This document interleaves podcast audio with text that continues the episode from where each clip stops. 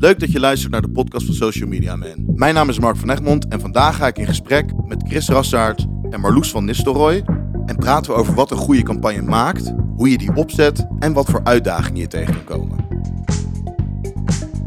Chris, welkom. Yes, thanks. Jij ook welkom. Ja, bedankt. Ik begrijp dat jullie als bedrijf veel mee bezig zijn. En mijn eerste vraag is dan ook, hoe zijn jullie hier als bedrijf ingerold? En wat betekent dit onderwerp voor jou? Ja, goede vraag. Ehm, wij zijn hier eigenlijk ingerold. Wij werken al een jaar of tien voor de overheid. Dus we doen allemaal campagnes voor gemeentes door het hele land heen. Onder andere Amsterdam, maar ook veel in Brabant, waar ik zelf vandaan kom. Als we het over ondermijnende criminaliteit hebben. Ik kom oorspronkelijk uit Os. En dat is een eh, behoorlijke hotspot geweest van uh, onder andere uh, drugscriminaliteit. Dus ik ken het ook vanuit mijn, ja, hoe zeg je dat? Vanuit de praktijk. Maar we zijn hier ingerold doordat wij in 2014 een campagne mochten doen vanuit uh, Taskforce. RIEK die georganiseerd. Toen heette dat nog Taskforce. Een organisatie vanuit justitie, politie en gemeente... die uh, een vuist willen maken tegen ondermijnende criminaliteit. En toen hebben wij via social media een uh, campagne mogen inrichten... gericht op bewustzijn over hennepteelt.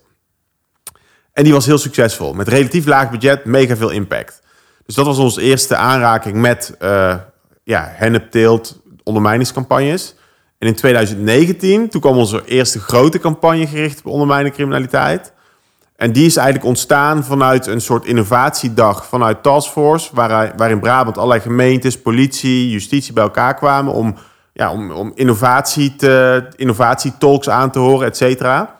En toen hebben wij een verhaal verteld over de kansen van social media. En toen dachten ze van oké, we mogen allemaal proeftuinen doen. We mogen, dat, is een soort ambtelijk woord eigenlijk, maar dat is een soort van budget om dingen te proberen. Mhm. En toen dachten ze, we moeten wat gaan doen met social media. Ja. En meteen ook interessant, ook als, als, als leuke inleider. Social media, eigenlijk de overheid, sommige doen het, onderdelen doen het goed, maar over het algemeen wordt digitale media lang niet optimaal ingezet door gemeentes, politie, et cetera er liggen gewoon nog heel veel kansen.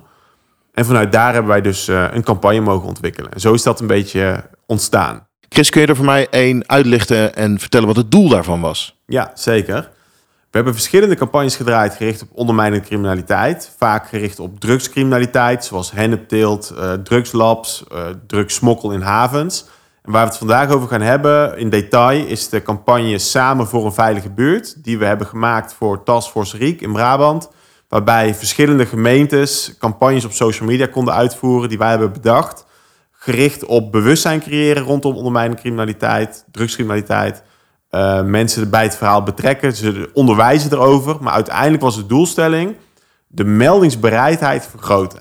Dus we wilden dat mensen in plekken, op plekken waar het speelde, eerder denken: oké, ik zie wat, ik ga melden. Thanks Chris. Ik heb ook met een van je opdrachtgevers gebeld om even te kijken hoe zij er nou precies over denkt. En uh, laten we even naar haar luisteren. Ik ben Marloes van Nistelrooy. Ik ben communicatieadviseur bij Taskforce Riek Brabant-Zeeland. En dat is het samenwerkingsverband tegen ondermijnende criminaliteit in onze regio. En ik ben daar ook projectleider van het project Meldingsbereidheid. En in die hoedanigheid ben ik eigenlijk uh, met social media man gaan samenwerken. En Marloes, kun je mij iets meer vertellen over de opdracht die jullie hadden vanuit de taskforce? Mijn opdracht was eigenlijk om de meldingsbereidheid van inwoners van Brabant en Zeeland op te krikken op het gebied van ondermijning. Nou ja, kun je op heel veel verschillende manieren doen. Hè. Je kunt eh, met folders gaan werken, je kunt uh, de straat op gaan, uh, je kunt in bladen, in kranten van alles gaan plaatsen. Maar dat waren vooral dingen die we al heel veel gedaan hadden. En er is op zich wel in ons gebied best wel heel veel aandacht geweest de afgelopen jaren voor de problematiek rondom ondermijning. Maar toen dachten we van ja, wat zijn nou nieuwe manieren? Wat zijn nou echt innovatieve manieren om uh, iets te doen op, aan die meldingsbereidheid van, uh, van mensen? En toen kwamen we eigenlijk op het idee om iets met social media te doen. Thanks Marloes. En Chris, voor jou als bedrijf, wat is dan eigenlijk voor jullie de eerste stap die je dan zou nemen als je, als je na zo'n gesprek uh, terugkomt en denkt, hier moet ik wat mee gaan doen? We hebben eigenlijk een soort uh, stappenplan die tot een campagne leiden. maar het begint eigenlijk altijd met de case goed definiëren van wat is er nou aan de hand. Dus het begint al met een goede briefing, maar ook met name met goed onderzoek. Want in heel veel buurten speelt dit, maar mensen melden lang niet genoeg. En de vraag was, hoe kunnen we de meldingsbereidheid vergroten? Ja waar je uiteindelijk mensen tot melden wilt brengen, gaat het dus er ook om, waarom melden ze niet? Dat is natuurlijk een belangrijke vraag. En uh, wat je eigenlijk steeds meer ziet bij conceptontwikkeling voor dit soort campagnes, is het onderzoekstuk mega belangrijk. Ja. Dus wat is er in dit geval gebeurd? Er is echt uh, vanuit Taskforce een groot onderzoek uit laten voeren door echt een onderzoeksbureau die ook allemaal interviews afneemt en allerlei technieken heeft. Waarbij ze gingen achterhalen wat zijn de redenen om niet te melden. Ja. Dus dat is voor ons alweer input om uiteindelijk je concept op aan te passen. En wat wij zelf dan ook nog doen, en dat is ook echt super kostenefficiënt, is wij maken gebruik van zogenoemde flitspeilingen. Dus dat wij eigenlijk gaan kijken in een buurt, bijvoorbeeld uh, in Den Bosch of in Breda, gaan we mensen via social media bereiken. En die vullen dan iets in over veiligheid in hun buurt. Oh ja. Uh, dus we laten ze doorklikken naar onderzoek. En dan weten we, uh, vind je het veilig in je buurt? Meld, zou je melden? Waarom zou je wel of niet melden? En dat is eigenlijk allemaal input die ons ja, een beeld geeft van de doelgroep. Ja, nee, je zou eigenlijk, als ik jou zo hoor, zou je dus eigenlijk kunnen zeggen dat dat gedegen onderzoek is een essentieel onderdeel van je campagne ook uiteindelijk. Want zonder dat onderzoek kan je dus ook niet de vinger op, op de zere plek leggen. En dan kun je dus wel een leuke campagne maken, maar dan uiteindelijk ben je gewoon filmpjes of, of content aan het posten. Ja, ja, waar het vaak ook fout gaat, denk ik, bij campagnes. En dat zien wij ook in andere... Kijk, het klinkt natuurlijk mega logisch van je moet onderzoek doen. Maar in de praktijk zie je vaak dat er een uitvraag komt met assumpties vanuit communicatieadviseurs of vanuit gemeentes. Waarbij er eigenlijk toch niet helder is uh, dat er wordt uitgegaan van redenen om niet te melden. Of bijvoorbeeld dat mensen denken, oh mensen zitten er zus en zo in. Maar dat blijkt dan helemaal niet te kloppen. Dus dat onderzoek, dat bepaalt uiteindelijk, dat is je fundament vanuit waar je verder kunt gaan bouwen. En uh, ja, daar begint het eigenlijk mee. En dat is eigenlijk ook al meteen een learning van zulke campagnes. Neem daar echt de tijd voor en gebruik daar allerlei technieken voor. En wat ik dus al le leuk vind om te delen is, die, die social media zelf kan er al een rol in spelen.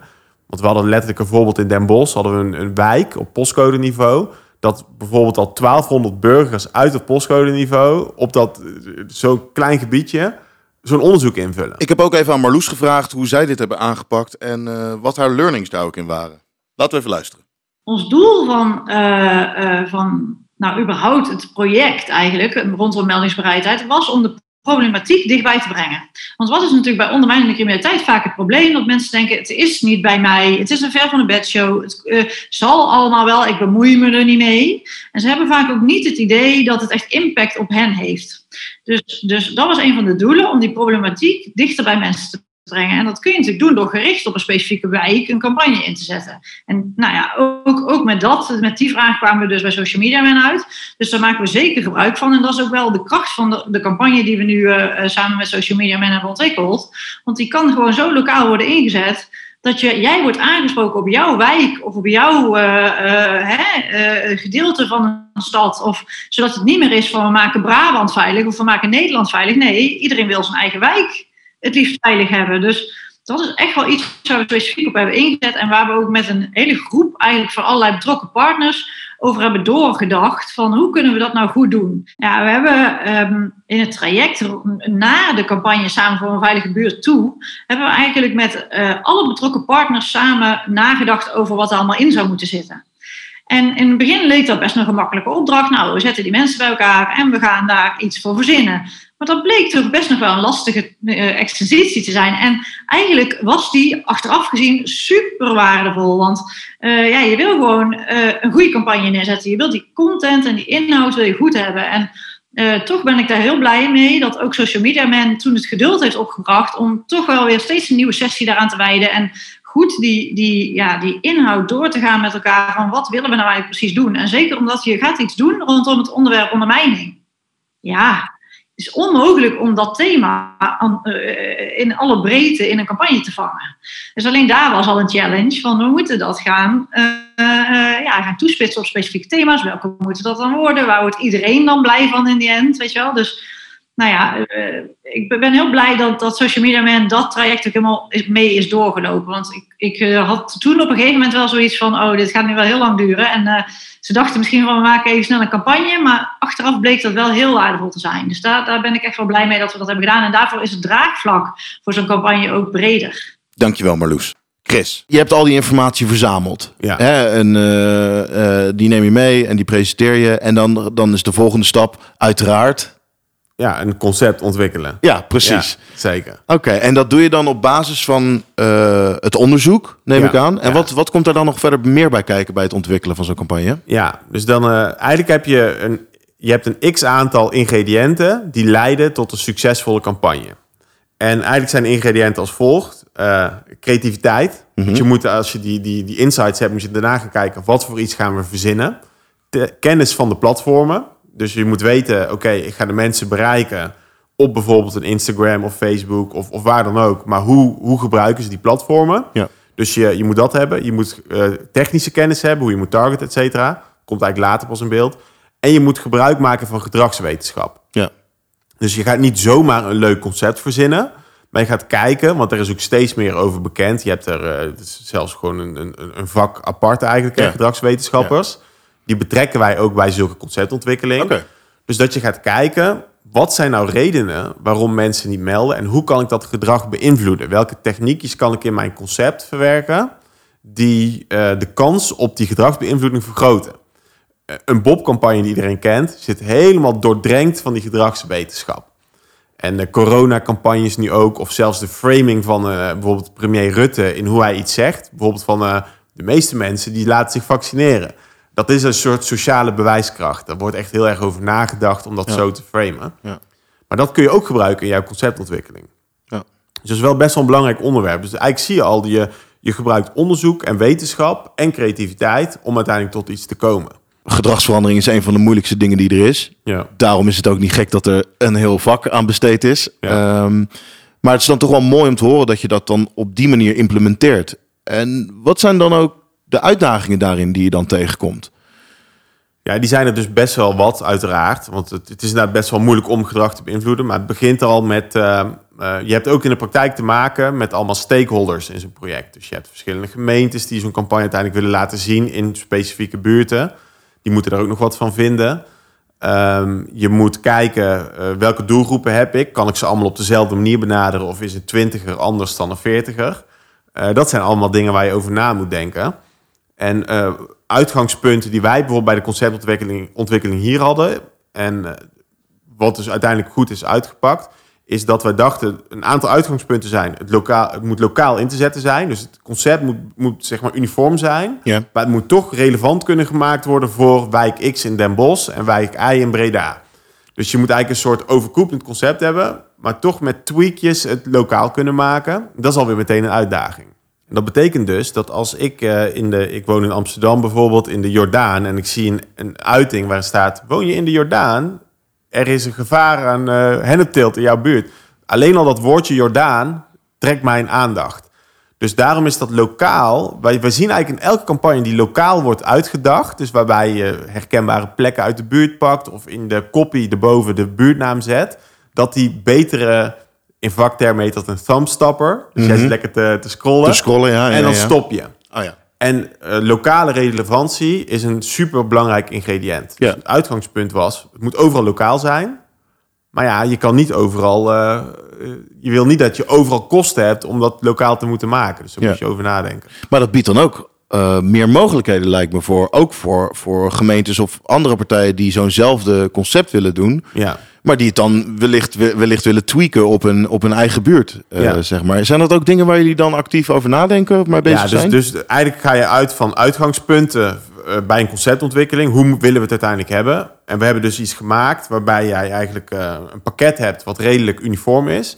Maar waarbij je met kleine toevoegingen in de copy of met bepaalde beelden die je tegen lage kosten kunt schieten, het toch overal lokaal relevant kunt maken. Ja. En uiteindelijk zijn het een soort pakketjes geworden die grote en kleine gemeentes kunnen afnemen.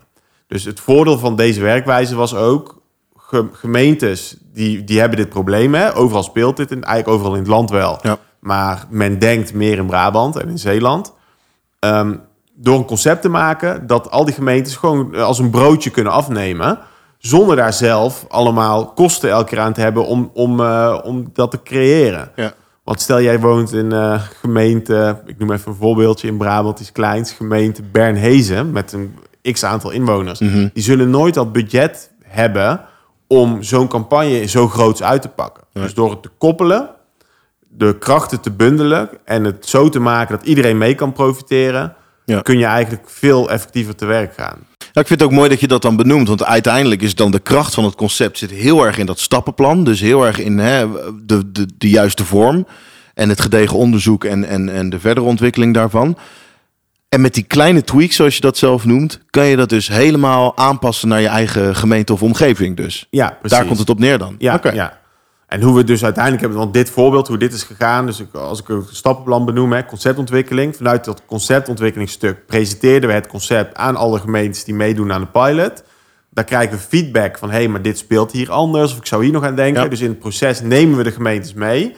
Daarvan krijg je al meer eh, betrokkenheid vanuit hun. Maar leren wij ook over net die details van, Ja, hé, hey, hier ja. moet je aan denken bij dit onderwerp. En toen zijn we pas de content gaan maken. Ja. Wat is dan, wat is dan, wat is voor jou, wat zijn voor jou bij uitstek belangrijke punten of speerpunten bij het creëren van die content? Ja, dus dat is dan weer de volgende stap. En dan komt echt de online marketingkennis kijken. De content is uitgedacht vanuit een soort gedragsveranderingsfunnelmodel. Dus we hebben bedacht van we gaan een campagne doen met een bewustzijnslaag, een betrokkenheidslaag en een activatielaag. Ja. En dan moet content passen bij die laag van de campagne. Juist. Dus we begonnen met awareness creëren, zoals dat Mhm. heet. Nou, wat bleek nou? Mensen melden niet omdat ze niet weten dat het gevaarlijk is voor hun. Dus dat Ja. ze weten niet, oké, een drugslab bij de buren kan ook mijn eh, kinderen problemen opleveren. Dus je creëert die, dat bewustzijn door te zeggen, bijvoorbeeld de wijk X in, eh, in Best, in- want dit speelt allemaal in Brabant, Mhm. ga je ze eerst uitleggen van eh, wat zijn de gevaren van eh, dampen, van ecstasy? Wat zijn de gevaren van hennepteelt? Want er wordt geknoeid met elektriciteit. Ja. Ehm, hoe werkt anoniem melden? Want mensen melden niet blijkbaar omdat ze denken dat anoniem niet echt anoniem is. Juist. Ze hebben geen vertrouwen in de politie, want ze denken, ja, de politie doet er toch niks mee. Dus al die dingen hebben we omgevormd naar content om dat te weerleggen of uit te leggen. Dus Juist. bijvoorbeeld, men heeft geen vertrouwen in de politie. We hebben een politieagent gebruikt in awareness laag die uitlegt... zoveel procent van anonieme, anonieme meldingen leidt tot aanhoudingen in jouw buurt... en jij maakt met ons de buurt Ja. veiliger. Ja. Dus dat is, eh, ja, dat is eigenlijk dat content verhaal. Dus je begint met awareness creëren. Nou, dat, is vaak meer videocontent. Vervolgens gaan we mensen betrekken. Dus we gingen van kijken naar eh, doorklikken naar uiteindelijk melden. Fase 2 was eh, bijvoorbeeld mensen een spelletje laten spelen. Mhm. Ben jij een herkenner? Door laten klikken naar een quiz en dan mensen laten nadenken over eh, wat weet ik van hennepteelt en herken ik het wel? Oh ja. En daar Ja, zit dan ja, ook ja, weer, wat wel grappig is, ehm, daar zit die gedragswetenschap in. Want je hebt bijvoorbeeld van Cialdini, dat heet volgens mij consistentie. Dat betekent iemand die eerst een kleine stap zet, die zal later ook een grotere stap zetten. Dus mensen gaan niet meteen melden, maar door ze eerst te laten kijken en een spelletje te laten spelen, dan zijn ze al wat actiever, waardoor misschien die stap Ja. naar die melding uiteindelijk ook groter wordt. Of kleiner wordt bedoel ik. Ik heb Marloes ook even gevraagd naar het proces wat jullie hebben doorgelopen. Dus laten we even luisteren. Ja, wij hebben die campagne eh, natuurlijk in 2019 zijn we begonnen met die te ontwikkelen. En die lag er in, eh, ja, in het najaar van 2019. Dus nou ja, inmiddels zitten we in 2022. Je kunt je voorstellen dat eh, eh, we inmiddels toe zijn aan een, nou ja, misschien wel verbreding van thema. eh, een beetje doorontwikkeling van de zaken die we toen hebben ge- gedaan. Dus daar, daar zie ik nog wel kansen. En nou, we hebben nu die campagne om even ehm, zeg maar te pinpointen, toegespitst op hennep, op synthetische drugs, dus dat is echt de pillen. En op ongebruikelijk bezit. Dus dat is nou ja, de buurman die met een dikke auto rijdt, maar geen baan heeft. Eh, maar je kunt je voorstellen dat binnen ondermijning natuurlijk nog heel veel andere thema's interessant zijn om aan te stippen. Dus die, zou je kunnen verbreden. Waar wij heel veel vragen naar krijgen van gemeenten is om iets te doen met buitengebied. Om daar specifiek iets mee, eh, eh, mee te doen. Dus verhuur van schuren bijvoorbeeld. Hè. Dat soort thema's spelen in onze gebieden natuurlijk heel erg. Uh, dus daar, ja, daar ben ik ook wel over aan het nadenken. Van kunnen we daar nog niet iets van toevoegen in die campagne? En dat je net iets meer diversiteit krijgt en keuze voor gemeenten van wat voor soort onderwerpen zich, zich op, op willen richten. Dankjewel Marloes. Oké, dus uh, we hebben het onderzoek gedaan. We hebben het uh, concept ontwikkeld. We hebben nu content gemaakt. En we hebben nu content. Ja. En dat is mooi. Maar ja. nu komt volgens mij de S van Social Media Man ook heel erg uh, naar voren. Kan je mij vertellen, Chris, wat dan de volgende stap is in zo'n verhaal? En wat daar ook belangrijk in is om, om je content goed aan de man of aan de ja. vrouw in dit geval uh, te krijgen? Ja. Volgende stap is het bij de mensen brengen die je wilt bereiken. En dat is uh, vaak door middel van op de platformen als Facebook, Instagram of in sommige gevallen LinkedIn, Snapchat voor jongeren. Uh, de mensen gaan bereiken met die content. En dan komen echte marketeers in beeld. En waar het ook al meteen vaak, dit is ook een learning, waar het vaak fout gaat bij campagnes, is dat er budget en tijd is voor creatie, maar te weinig budget of kennis van distributie. En ik vind zelf altijd een mooie metafoor. We maken een krantje, maar we vergeten bij de mensen in de bus te doen. Ja, precies. Dat is wat er wel eens gebeurt. Dus je hebt budget en tijd en kennis nodig om die eh, content weg te gaan zetten. En hoe hebben jullie dat dan in de praktijk aangepakt? Nou, we zijn gaan werken met verschillende gemeentes die de campagne hebben ingezet. En we konden eigenlijk twee keuzes maken. Of we maken zelf een afzender op bijvoorbeeld Facebook met de campagnenaam, bijvoorbeeld Samen voor een Veilige Buurt. Of we gaan vanuit de gemeente communiceren, waardoor we echt ook toegang moeten krijgen tot die social accounts van hun, et cetera. Nou, we hebben voor dat laatste gekozen, omdat we wisten, uh, de campagnenaam heeft nog geen lading. Niemand kent Samen voor een Veilige Buurt. Dus we denken dat mensen minder snel zullen stoppen bij die, bij die afzender. En wij weten uit ervaring dat mensen bij een lokale gemeente sneller denken: hey, dit, uh, dit is gemeente Den Bosch, dat wil ik zien. Dus we zijn vanuit de gemeentes gaan adverteren. En hoe werkt dat dan? Wij kregen als bureau toegang tot hun ad-accounts of tot hun social media accounts. En vanuit daar zijn wij de campagnes helemaal gaan opzetten. En uh, dus letterlijk gaan segmenteren op postcodegebieden, de alle content ingeladen. En uh, daar kan ik ook wel wat meer over vertellen hoe dat dan weer werkt. Ja, want is er een goed stappenplan voor uh, zomaar iets posten? Of uh, kan ik ook nu iets online zetten en werkt het dan ook meteen? Of hoe, hoe benaderen jullie dat als bedrijf? Ja, dus dat is echt die achterkant van social media. En dan kom je echt met advertising kennis om de hoek kijken. En dat is ook wel wat, wat veel marketeers of, of communicatieadviseurs niet echt beseffen. Het gaat niet om postjes plaatsen op een tijdlijn, maar het gaat veel meer om een post maken. Bijvoorbeeld uh, een campagne uitdenken in verschillende lagen. En laag 1 is bijvoorbeeld vijf video's. Vijf video's, die ga je segmenteren op postcodegebied X. Die gaan al die mensen zien. Die optimaliseer je op video views. Dus dat is ook alweer een technisch iets. Want je kunt mm -hmm. optimaliseren op views, kliks, uh, engagement, et cetera. Ja. En dan ga je vervolgens mensen die in laag 1 bijvoorbeeld net wat langer dan gemiddeld naar jouw content kijken, die giet je weer in een doelgroep en die komen in fase 2 van de campagne. Dat heet engagement retargeting. Dus die campagne wordt heel technisch uitgedacht ook om echt te kijken van oké, Mark ziet video A over hennepteelt. Hij blijkt relatief lang te kijken. Dus Mark krijgt binnen drie dagen uh, content format 2, een carouseluiting met tips over het herkennen van hennepteelt. Dus jouw kijkgedrag gebruiken we om jou verder door de funnel heen te leiden. En uh, ja, dus dat is zeg maar dat stappenplan van uh, awareness creëren, verschillende optimalisaties, kijkgedrag gebruiken, meten welke copy werkt beter. Je kunt namelijk van één, één video kun je drie verschillende uh, captions bijmaken. En dan gaat Facebook terugkoppelen, caption met emoji of zonder emoji werkt beter of niet beter. Dus dat is dan weer heel die technische kant. Waarom is die data nou zo belangrijk in zo'n proces? Ja, die data die je terugkrijgt, die, die, die geeft jou heel veel learnings. En dingen die je vooral wel moet doen of vooral niet moet doen. Dus als jij ziet, uh, in mijn awareness laag heb ik allemaal video's gemaakt, maar de gemiddelde kijktijd is heel kort. Dan weet je dat je de video's niet goed zijn of dat mensen niet die vorm aantrekkelijk vinden. Dus dat je iets anders moet doen. Ja, dus dat is ook iets wat jullie als bedrijf ja. waar jullie ook op inspringen dan. Ja, ja. Dus, dus een campagne wordt gaandeweg uh, getweakt, zoals dat heet, en continu bijgestuurd. Dus wij zien bijvoorbeeld in zo'n campagne dat de quiz heel goed werd ingevuld. Dan gaat er een wat meer budget naar die quiz, want dat is een blijkbaar effectieve manier om mensen bij het onderwerp te betrekken. Wij maken vaak gebruik van het uh, content format het Instant Experience. Dat is een soort digitaal magazine binnen Facebook of Instagram. Voordeel is dat het heel snel laat en je kunt meten hoe lang mensen erin zitten. Mensen bleven daar bijvoorbeeld gemiddeld langer dan een halve minuut in hangen. Wat een wereld, uh, hoe zeg je dat? Waar een tijd is aan, uh, ja. zee aan tijd ja, op social media. Ja. Dus die, al die data gebruik je om je campagne te optimaliseren. En uiteindelijk weer op het einde een rapportage te maken. Om mensen, de opdrachtgever, terug te koppelen van... nou, we hebben zoveel mensen bereikt. Dit was de engagement. Uh, dit onderwerp blijkt hier beter aan te slaan. Dus bijvoorbeeld misschien in een buitengebied hebben ze niks met met het onderwerp uh, hennepteelt wellicht, maar veel meer met Ecstasy Labs. Ja. Dan kun je dat ook weer terugkoppelen.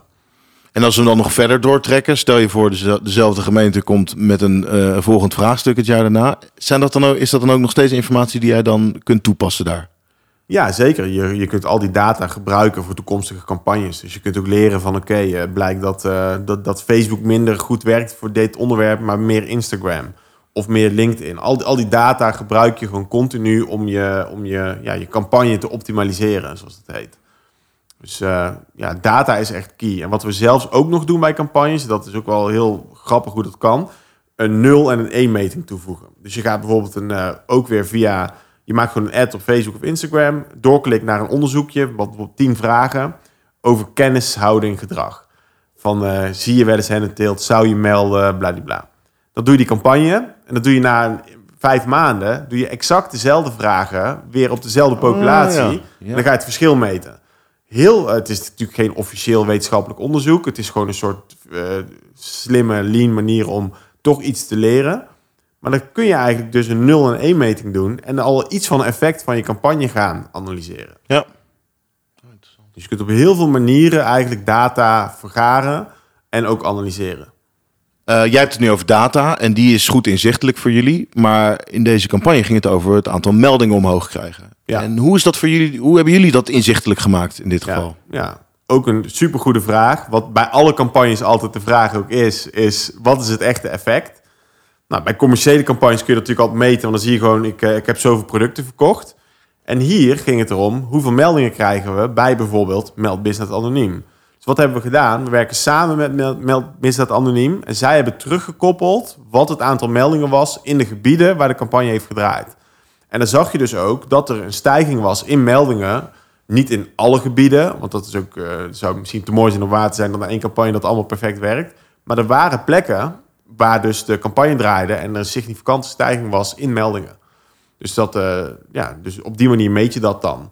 Of de politie koppelt dingen terug. Ja. Je partners moeten dan ook dingen terugkoppelen. Ja, want dat, dat begrijp ik ook wel uit jouw verhaal. Hè? Dat, dat je staat niet alleen in dit verhaal ook. Het is, je, je, je betrekt ontzettend veel partijen erbij. Uh, los van gedragswetenschappers, externe kennis, maar ook de opdrachtgever en ook de mensen die daar omheen hangen. Ja. Om uiteindelijk zoveel mogelijk informatie op te zuigen bijna. Ja. En dat om te zetten naar een goede, degelijke campagne die activeert. Ja, eigenlijk als je erover na gaat denken, als je in zo'n proces zit, ben je er eigenlijk niet eens zo van bewust.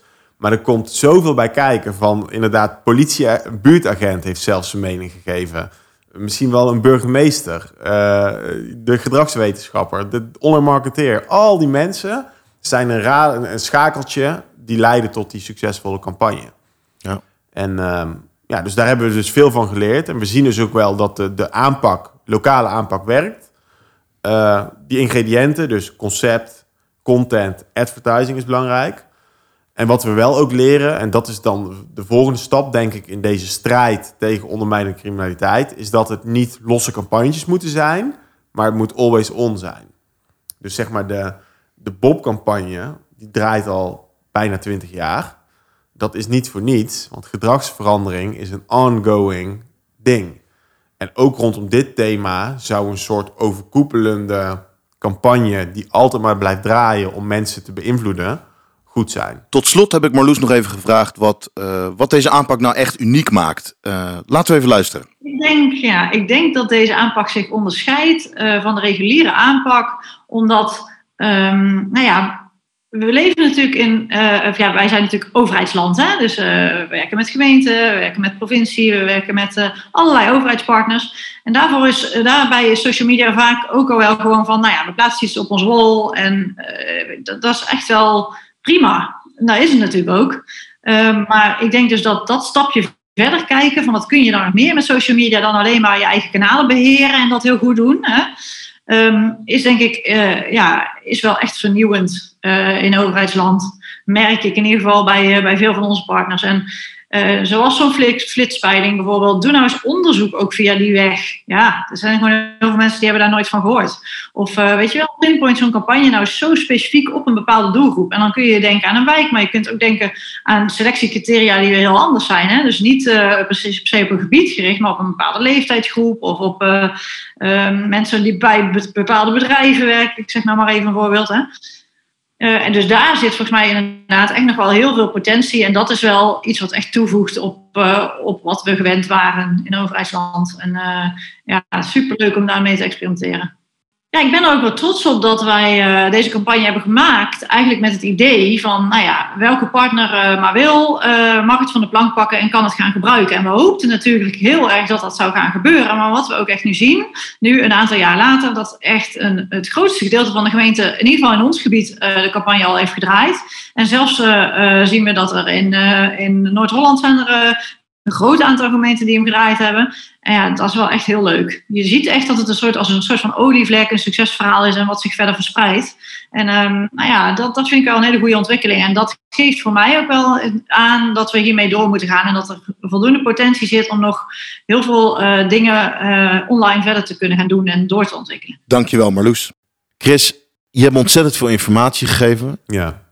En wat is nou, als jij nou een paar dingen mag noemen die voor jou het allerbelangrijkste zijn binnen zo'n campagne, wat zijn die dan? Ja, nou, als ik dan samenvat, dan is het gewoon uh, bouw het op in die fases. Dus kijk, uh, eerst doe heel goed onderzoek, betrek alle partners daarbij. Dus ik, ik noemde net een voorbeeld van Brabant, maar we, als wij een uh, drugscampagne in zeehavens doen, zijn we letterlijk interviews gaan afnemen met de heftruckchauffeur in die haven. Dus probeer gewoon te leren gebruik daarna alle ingrediënten die nodig zijn, van een creative tot een uh, gedragswetenschapper, om het concept te ontwikkelen. Betrek daar ook weer je partners bij.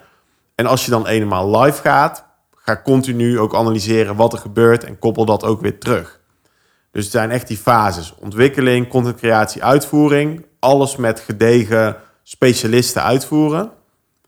En bundel de krachten. Dat vind ik een hele belangrijke. Kijk, bij die taskforce campagne in Brabant, dat pakketje wordt nou afgenomen door Breda, Den Bosch, maar ook door een kleine gemeente. Ja. En dat had nooit zo kunnen zijn als zij allemaal afzonderlijk aan de slag waren gegaan. Hadden ze nooit zulke goede content gehad. Dus bundel de krachten, waardoor ook iedereen daarvan kan profiteren in overheidsland. Voor wie het speelt. Bedankt Chris. En jullie bedankt voor het luisteren naar de podcast van Social Media Man over ondermijnende criminaliteit. Wil je nou meer weten? Ga dan gerust even langs op www.socialmediaman.nl.